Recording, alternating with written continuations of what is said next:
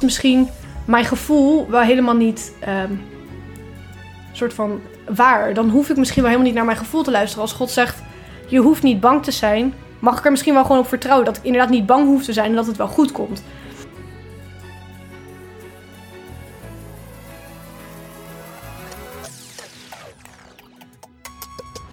Hey hallo, wat leuk dat je luistert naar Achter Jezus aan. Ik zit hier in eh, Rotterdam bij Anne. Hallo Anne. Hi hi. Hoi. Zou je jezelf eens een keertje willen voorstellen? Ja, tuurlijk. Eh, ik ben Anne, Anne van Assel tegenwoordig. Ik ben getrouwd met Niels.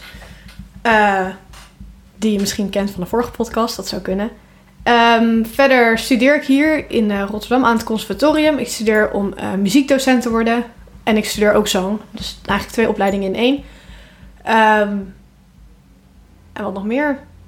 Ja, ik word heel erg blij van muziek en ik word vooral heel erg blij van Jezus. Gaaf. Ja.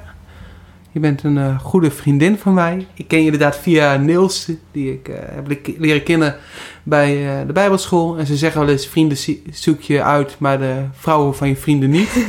maar eh, daarmee heb ik het gewoon goed getroffen. Zo zijn we gewoon ook goed bevriend geraakt. Dus Zeker. heel gaaf. En jij bent de enige van eh Streef die we nog niet hadden geïnterviewd. Ja. Omdat je elke keer weg was of ik weet niet. Dus eh super leuk om nu lekker met jou het gesprek aan te gaan vandaag. Zeker. Ehm, nou ja, de podcast heet dus eh, Achter Jezus aan. Ehm, als je dat hoort, wat is dan het eerste waar je aan denkt? Nou, hier had ik me natuurlijk op kunnen voorbereiden, want het, de vraag die iedere podcast terugkomt. Ehm, en waar, denk ik, wat voor mij eh, op dit moment is waar ik dan meteen aan denk, is focus. Waar ligt je focus? Maar ook eh, waar ik de laatste tijd steeds meer eh, van zie van Jezus, gewoon zijn genade. Dus, en de combinatie ertussen, denk ik. Dus eh, ja, de focus, waar, wat doe je met je dag? Hoe ehm, ja, kijken naar Jezus, hoe, waar kijk je naar en wat vind je belangrijk en waarop, zeg maar, daarop baseer je je keuzes. En tegelijkertijd, het hoeft niet allemaal altijd perfect, want God is gewoon genadig. En het is een soort van, het is al goed. Jezus heeft het al goed gemaakt. Dus er is gewoon genade om fouten te maken.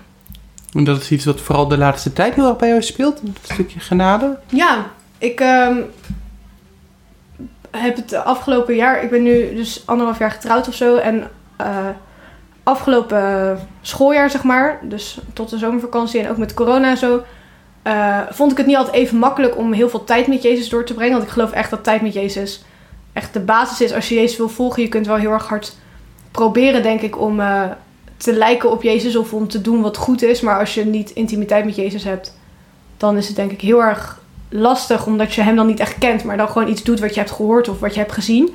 Ehm, maar ik vond het best wel lastig om tijd met Jezus te hebben, omdat ik gewoon in een nieuw ritme kwam en een nieuwe plek ging wonen. En alles werd anders en ik merkte dat ik daar best wel moeite mee had. En eh, sinds de zomervakantie ben ik heel consequent iedere dag ehm, weer tijd met Jezus gaan hebben in de ochtend en in de avond. En eh, ook weer heel erg bewust bezig gegaan met iedere dag wat wil ik maken van mijn dag. Wat wil ik doen met mijn dag? Wat vind ik belangrijk? Welke keuzes ga ik maken? Waarin ga ik meer op Jezus lijken? En waarin ga ik achter Jezus aan? Nou, in alles wil ik achter Jezus aan gaan, maar hoe ga ik dat doen vandaag? En eh, ik kwam er gewoon achter, iedere avond als ik in mijn bed lag, dat ik eigenlijk helemaal niet zo tevreden was met mezelf. Dat ik iedere avond weer dacht van, oh, het is niet allemaal gelukt wat ik wilde. Misschien acht van de tien dingen zijn gelukt, maar die andere twee niet. Of soms lukt het helemaal niet op een dag. Dat ik bijvoorbeeld net niet met die vriendin had gepraat die eigenlijk extra aandacht nodig had. Of niet ehm, dat ik toch wel iets vervelends over iemand anders had gezegd of zo. En eh, ja, ik kwam er gewoon heel erg achter dat het echt zo belangrijk is dat eh, we gewoon genade hebben gekregen van God. Dat we het niet hoeven te doen uit eigen kracht allemaal, maar achter Jezus aan gaan. Maar dat we gewoon Gods genade hebben gekregen. En ik merkte ook gewoon de laatste maanden merkte ik dat heel erg. Dat als ik dan s'avonds in mijn bed lig en ehm, ik voel me niet 100% goed over mezelf of over wat ik heb gedaan. Dat het me echt soort van kan overvallen of zo. Dat God gewoon tegen me zegt. Maar het is al goed soort van. Je hoeft je niet te bewijzen tegenover mij. Je hoeft niet iets eh, voor mij goed te doen. Ik hou al van je zoals je bent. En ik denk dat dat iets, echt iets fundamenteels is als je achter Jezus aan wil gaan. Dat je weet dat God genadig is. En dat hij een soort van blij is met je zoals je bent. En dat je niet pas goed genoeg bent op het moment dat je vijf mensen per dag parkeert of zo. Ja. Ja. Nee, dat is wel gaaf inderdaad. Want het hart erachter is fantastisch. Dat je gewoon God wil laten zien aan mensen om je heen. Het kan inderdaad, het is heel mens eigen hoor. Ik herken het wel. Heel religieus worden of zo. Dat je Mhm. dan denkt van oké, ik moet dit doen. En dat we dan toch nog Gods liefde willen gaan verdienen of ja, zoiets. precies. Ja, en dat is gewoon heel bijzonder dat God tegen ons zegt van... hé, je bent al geliefd. Fantastisch om vanuit die genade te leven. Ja, zeker. En echt bevrijdend ook. Ja, Ja. zeker. En dan kan je gewoon de dingen doen... gewoon omdat je ze wil doen.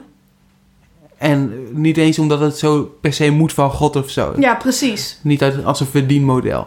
Ja, en ik merk dus ook dat als je dan dus wel echt die tijd met Jezus hebt en gewoon gaat leven vanuit het idee dat eh, het al goed is, dat je niks te bewijzen hebt, zeg maar. Ja, Dan ineens krijg ik soms de motivatie om eh, de afwas te doen in plaats van eh Niels die het eigenlijk moet doen. Of om, ja, even een heel Ja, ja. praktisch voorbeeldje. Of om, zeg maar, dan ben ik niet meer bezig met, oh ja, vandaag moest ik nog die vriendin aanspreken. Maar dan heb ik gewoon, voel ik gewoon de liefde om die persoon aan te spreken in plaats van dat het iets is wat ik mezelf opleg, omdat ik het zo graag goed wil doen ja, omdat ik gewoon geloof dat als je echt intimiteit met Jezus hebt, dat je gewoon. ehm, dat hij je echt laat zien gewoon wat hij goed is. En dat je het dan niet eens meer. Soms moet je denk ik wel proberen en over je eigen grenzen stappen om dingen te doen. Maar soms is het, of heel vaak denk ik, is het gewoon zo dat Jezus je echt gewoon eh, het, zijn hart geeft daarin. En dat het niet meer een heel hard je best doen is, maar dat. eh, ja, dat Jezus gewoon je het verlangen geeft om het op die manier te doen. gaaf. Ja. En ehm, jij, ehm, even kijken hoor, achter Jezus aangaan. Ehm, dat doe je nu al een tijdje, maar hoe ben jij tot het moment gekomen dat je dacht van ik wil echt achter Jezus aangaan. Ik wil echt in die genade gaan leven. Ik wil echt voor hem bezig gaan. Mm, nou, ik ben altijd christelijk eh, opgevoed en eh, altijd naar de kerk gegaan. En ik denk ook eigenlijk wel dat ik Jezus altijd heb gekend. Of zo, misschien niet altijd op een even diepe manier. Maar ik kan me echt nog momenten herinneren als kind. Dat ik echt ervaringen had met Jezus. Dat ik in de kerk zat. Ik kom uit een christelijk gereformeerde kerk. eh, en dat we daar een opwekkingslied zongen bijvoorbeeld. En dat ik daar echt zo erg door geraakt werd. En eh, vooral door muziek heen. Al denk ik mijn hele leven dat ik echt ehm, wel echt het gevoel heb dat ik God ken. Of dat ik in ieder geval weet dat hij er is en dat hij van me houdt. Ehm, maar het was wel altijd gewoon een soort passief deel van mijn leven. Ik wist dat God er was. En eh, dat hij van me hield. En op zondag vooral. En eh, door de week bij de Bijbelverhalen op school. En dat was het, zeg maar. En toen ik, eh, denk 13 was. Toen zeiden mijn ouders... We gaan deze zomer naar New Wine. Dat is een christelijke conferentie. En toen namen ze me daarmee naartoe. En ik dacht echt... Oh, moeten we daar een hele week christelijk gaan lopen doen? één keer per week wel genoeg. Amen. En dus daar had ik helemaal geen zin in. Eh, maar een goede vriendin van mij ging daar ook heen. En eh, dus ik vond het op zich wel prima. Ik dacht, nou ja, nieuwe mensen leren kennen. Ik heb niet zoveel zin in dat christelijke gedoe, maar een soort kampweek is wel gezellig.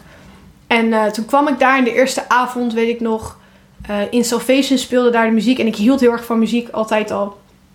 Ehm, en ik vond het echt zo indrukwekkend om te zien, ook de tieners in de zaal en de band en zo, dat er gezongen werd voor Jezus. En dat het, ik was vanuit mijn kerk best wel gewend dat het een soort, ja, niet passief is. Iedereen zingt wel mee, maar wel gewoon de liedjes zingen en daarna ga je weer naar huis. En ik zag hier ineens echt een passie die ik nog nooit had gezien als mensen het over God hadden. Dat mensen het echt hadden over een God die eh, echt leeft en waar ze ook echt alles voor gaven. En je zag ook aan mensen dat ze echt een vuur hadden wat ik helemaal niet kende. En toen dacht ik echt, wow, zo kan het dus ook blijkbaar.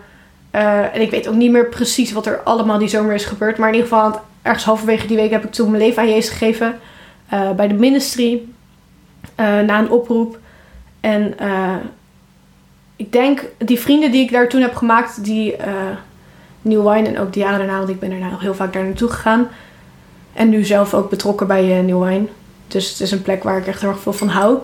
Ehm, maar die vrienden die ik daar heb gemaakt, dat zijn mensen gewoon met wie ik nog steeds optrek. En met wie ik nog steeds echt ook mijn leven met Jezus deel. En ik denk dat dat voor mij op dat moment een heel belangrijk iets was. Dat ik echt mensen had met wie ik over Jezus praatte en over Jezus volgen praat. Want ik had geen idee. Ik kwam eh, van een plek waar je op zondag naar de kerk ging.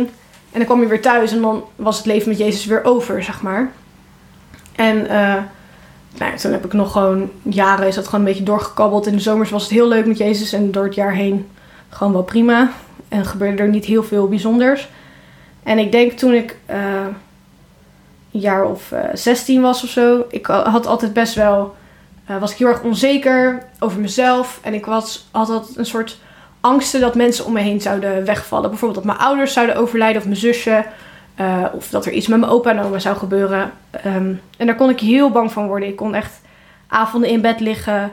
Ehm, dat ik gewoon niet kon slapen omdat ik zo bang was dat ik op een gegeven moment mezelf dan in slaap helde. En dan de dag daarna zo moe wakker werd dat ik echt helemaal eh, uitgeput op school zat en zo. En dat beheerste best wel mijn leven.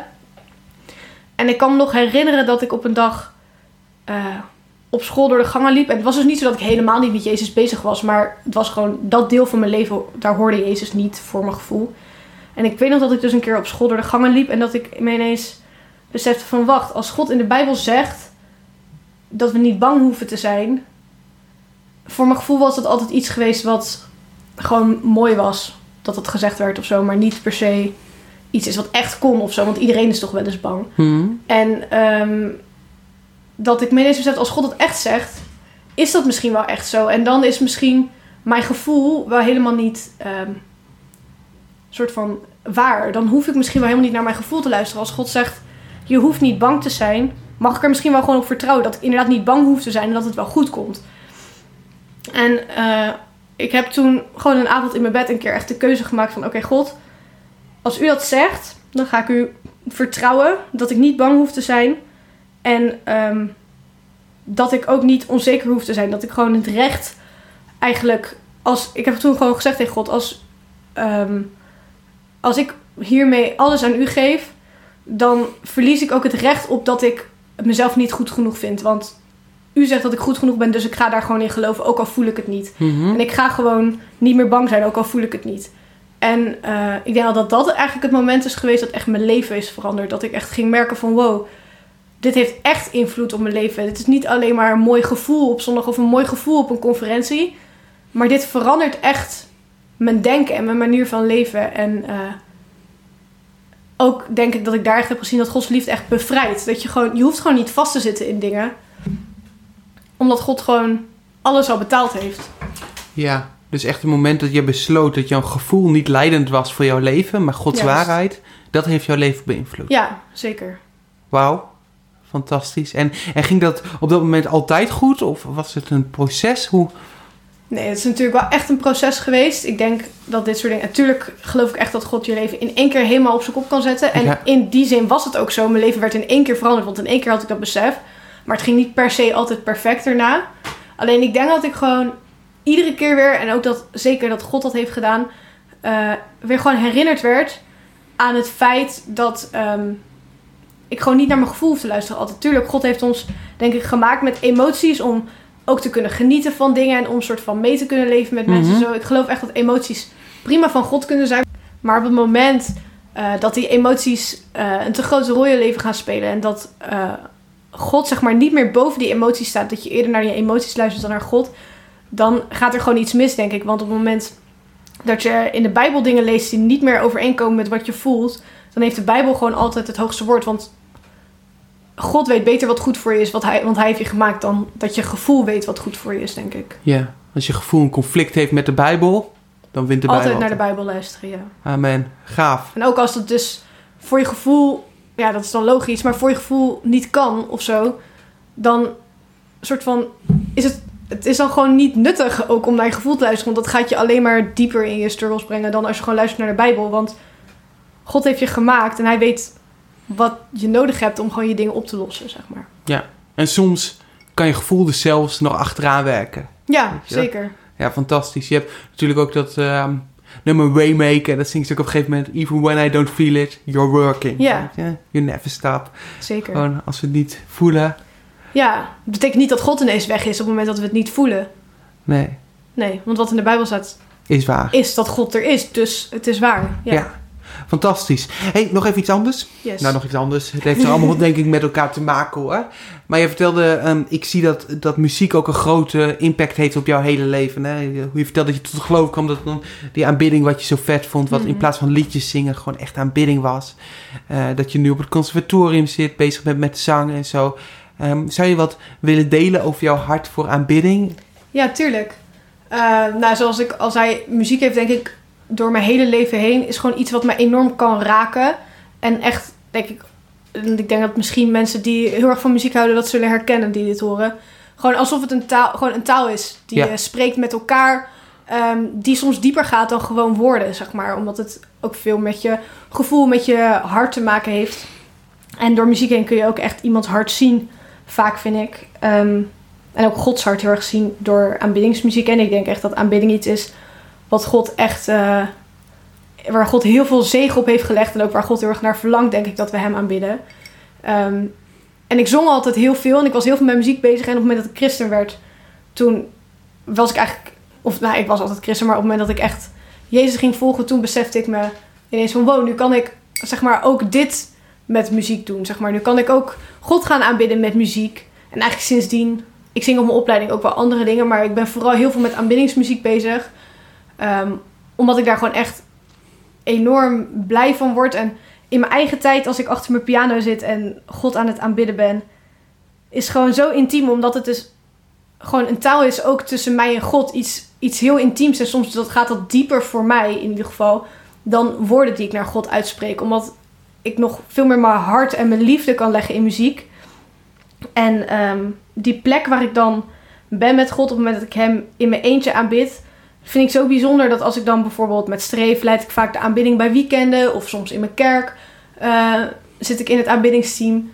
Ehm, dat je dan andere mensen op diezelfde plek mag brengen bij Gods troon. En ehm, ik geloof ook echt dat op het moment dat we met elkaar God aanbidden, dat God echt eh, zichzelf aan ons laat zien. Dat als we echt naar Hem kijken en echt ons op Hem focussen, eh, dat Hij dan niet daar ver in de hemel blijft en een beetje chillt op hoe eh, goed wij Hem allemaal vinden, weet je wel. Maar dat Hij echt naar ons toe wil komen om ons eh, gewoon, ja, om onze roep naar Hem zeg maar te beantwoorden. En ik eh, vind dat echt iets enorm prachtigs. Ja, iets wat nu in deze tijd eventjes niet kan, hè, in de kerk, dat aanbidden en zo.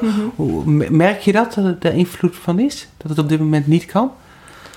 Nou, ik merk zelf wel dat ik het enorm mis. Want ehm, ik kan leuk op mijn kamertje of in mijn woonkamer achter mijn piano zitten en God aanbidden. En dat is echt super bijzonder. Maar er zit zoveel kracht in met elkaar God aanbidden. En met een groep mensen gewoon samen echt op zoek gaan naar wie God is. Ehm, dat mis ik heel erg. En met mij heel veel andere mensen, geloof ik. Want ik hoor het heel veel om me heen. Ehm, ja, maar ik geloof niet dat we daarom maar moeten stoppen met God aanbidden. Want diezelfde kracht, misschien kan het niet meer in kerken.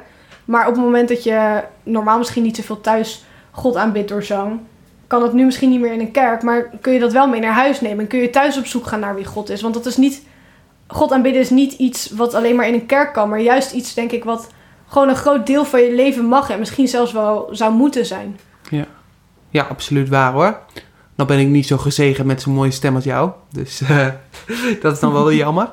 Maar eh, zeker waar. Ik merk ook zelf dat ik het op dit moment mis hoor in de kerk. Dat je niet kan zingen en zo. Omdat juist met elkaar, dat, dan komt er iets los. Dan merk je dat er iets gebeurt in de atmosfeer of zo. Dat klinkt Mhm. allemaal heel apart. Maar er gebeurt wel iets als wij samen God aanbidden met elkaar. En die kracht moeten we nooit onderschatten natuurlijk.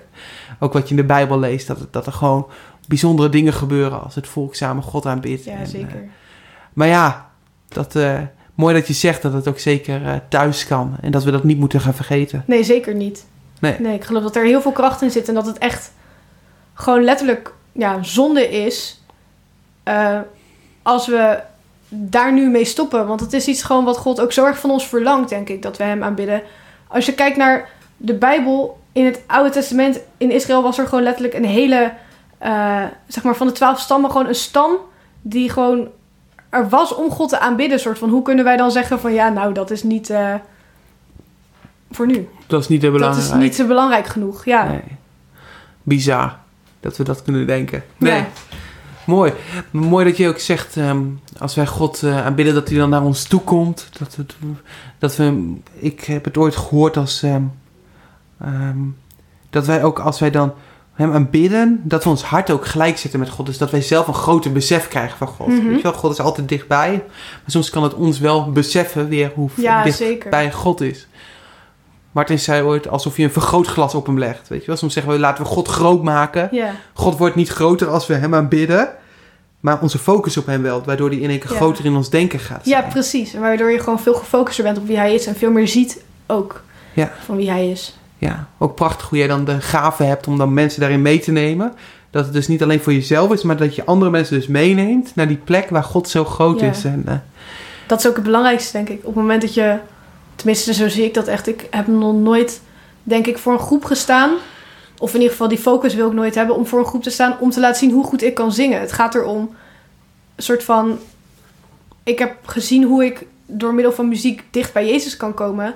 En al die mensen die daar zitten, die wil ik gewoon op die plek brengen. Bij Jezus troon. En als ik dat kan doen door te zingen daar. En door mijn stem te gebruiken. Dan doe ik dat op die manier. ja, Ja. fantastisch. Wel gaaf hoe je dat natuurlijk ook zegt. Dat je zo bezig bent met aanbidding. En je had het zo net ook over de waarheid boven je gevoel zetten. En, en ik denk dat het ook wel iets is. Hè, dat ook op de momenten dat je je niet goed voelt. Dat je dan blijft aanbidden. Zeker weten.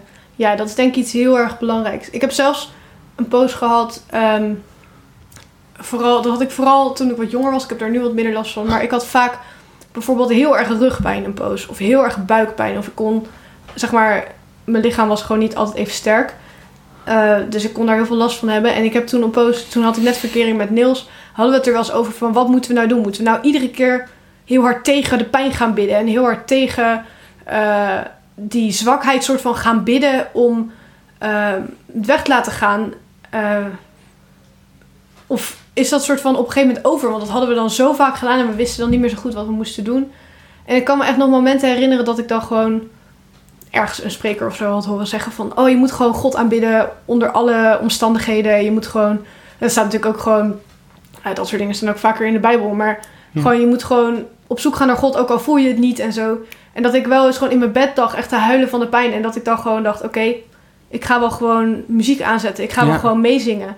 Ehm, en dat ik gewoon echt heb meegemaakt dat pijn dan gewoon wegging en zo. En dat is dan natuurlijk een heel eh, soort praktisch voorbeeld. Maar ook op het moment denk ik dat het gewoon niet goed met je gaat. En dat je niet het gevoel hebt van, ik wil nu op zoek naar God.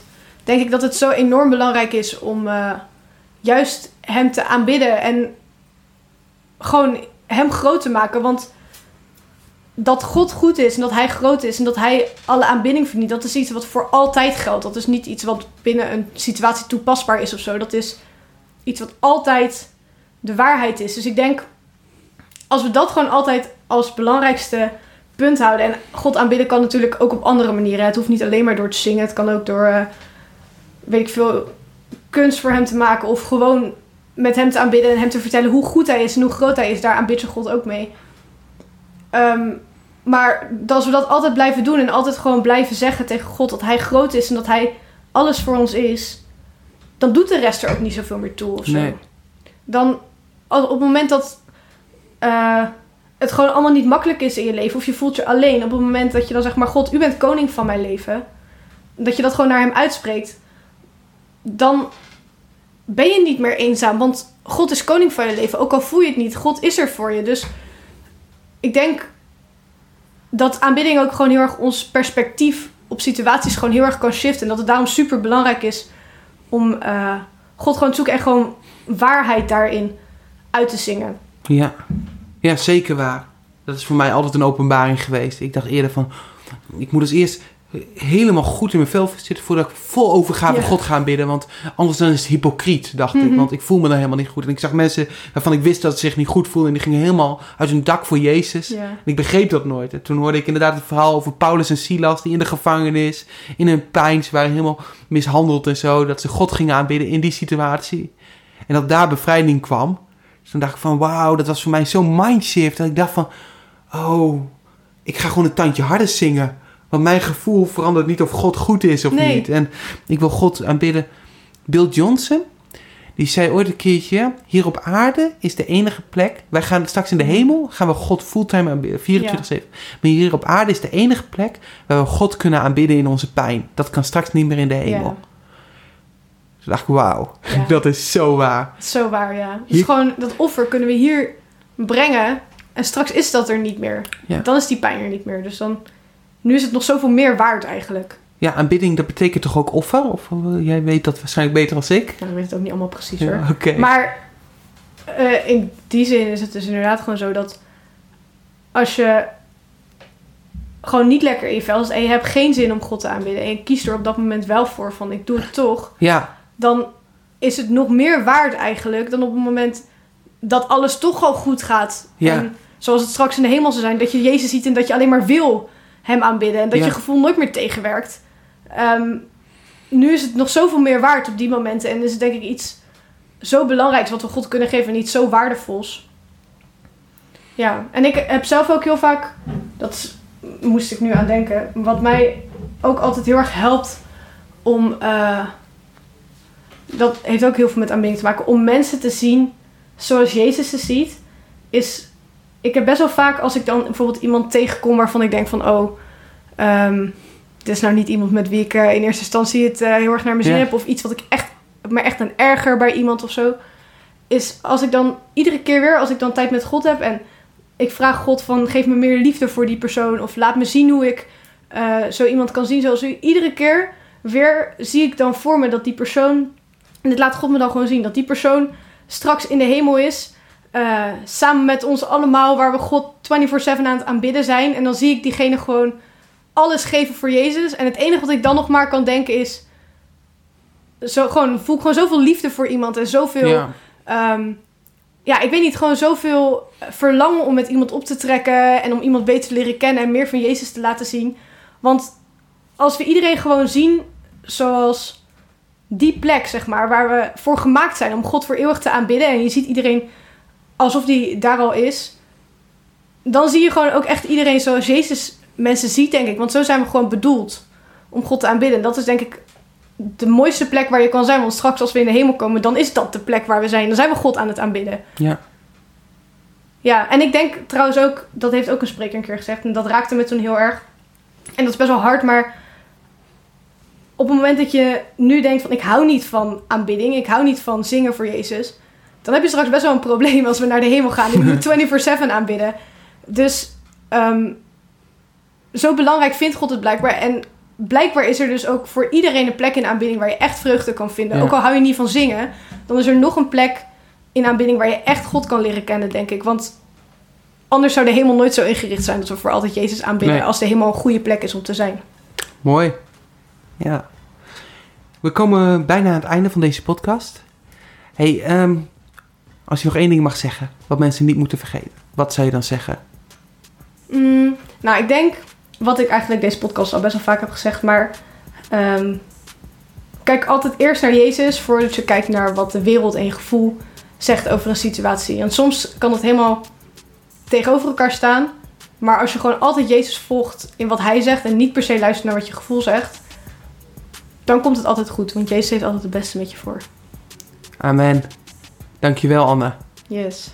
Hey, vond je dit nou een mooie podcast? Ehm, deel hem dan met je vrienden. Klik even op de volgbutton eh, op Spotify of geef even 5 sterren op eh, Apple. Dat zou ik enorm waarderen. Ehm, wil je meer van Anne weten? Ehm, dan kan je haar vinden via de site van Streef. En eh, verder op Instagram ben je ook wel te stalken, toch? Als je gewoon Anne van Asselt zoekt, dan kom je vanzelf tegen. Yes. Hey, heel erg bedankt voor het luisteren en tot de volgende keer. Doei doeg!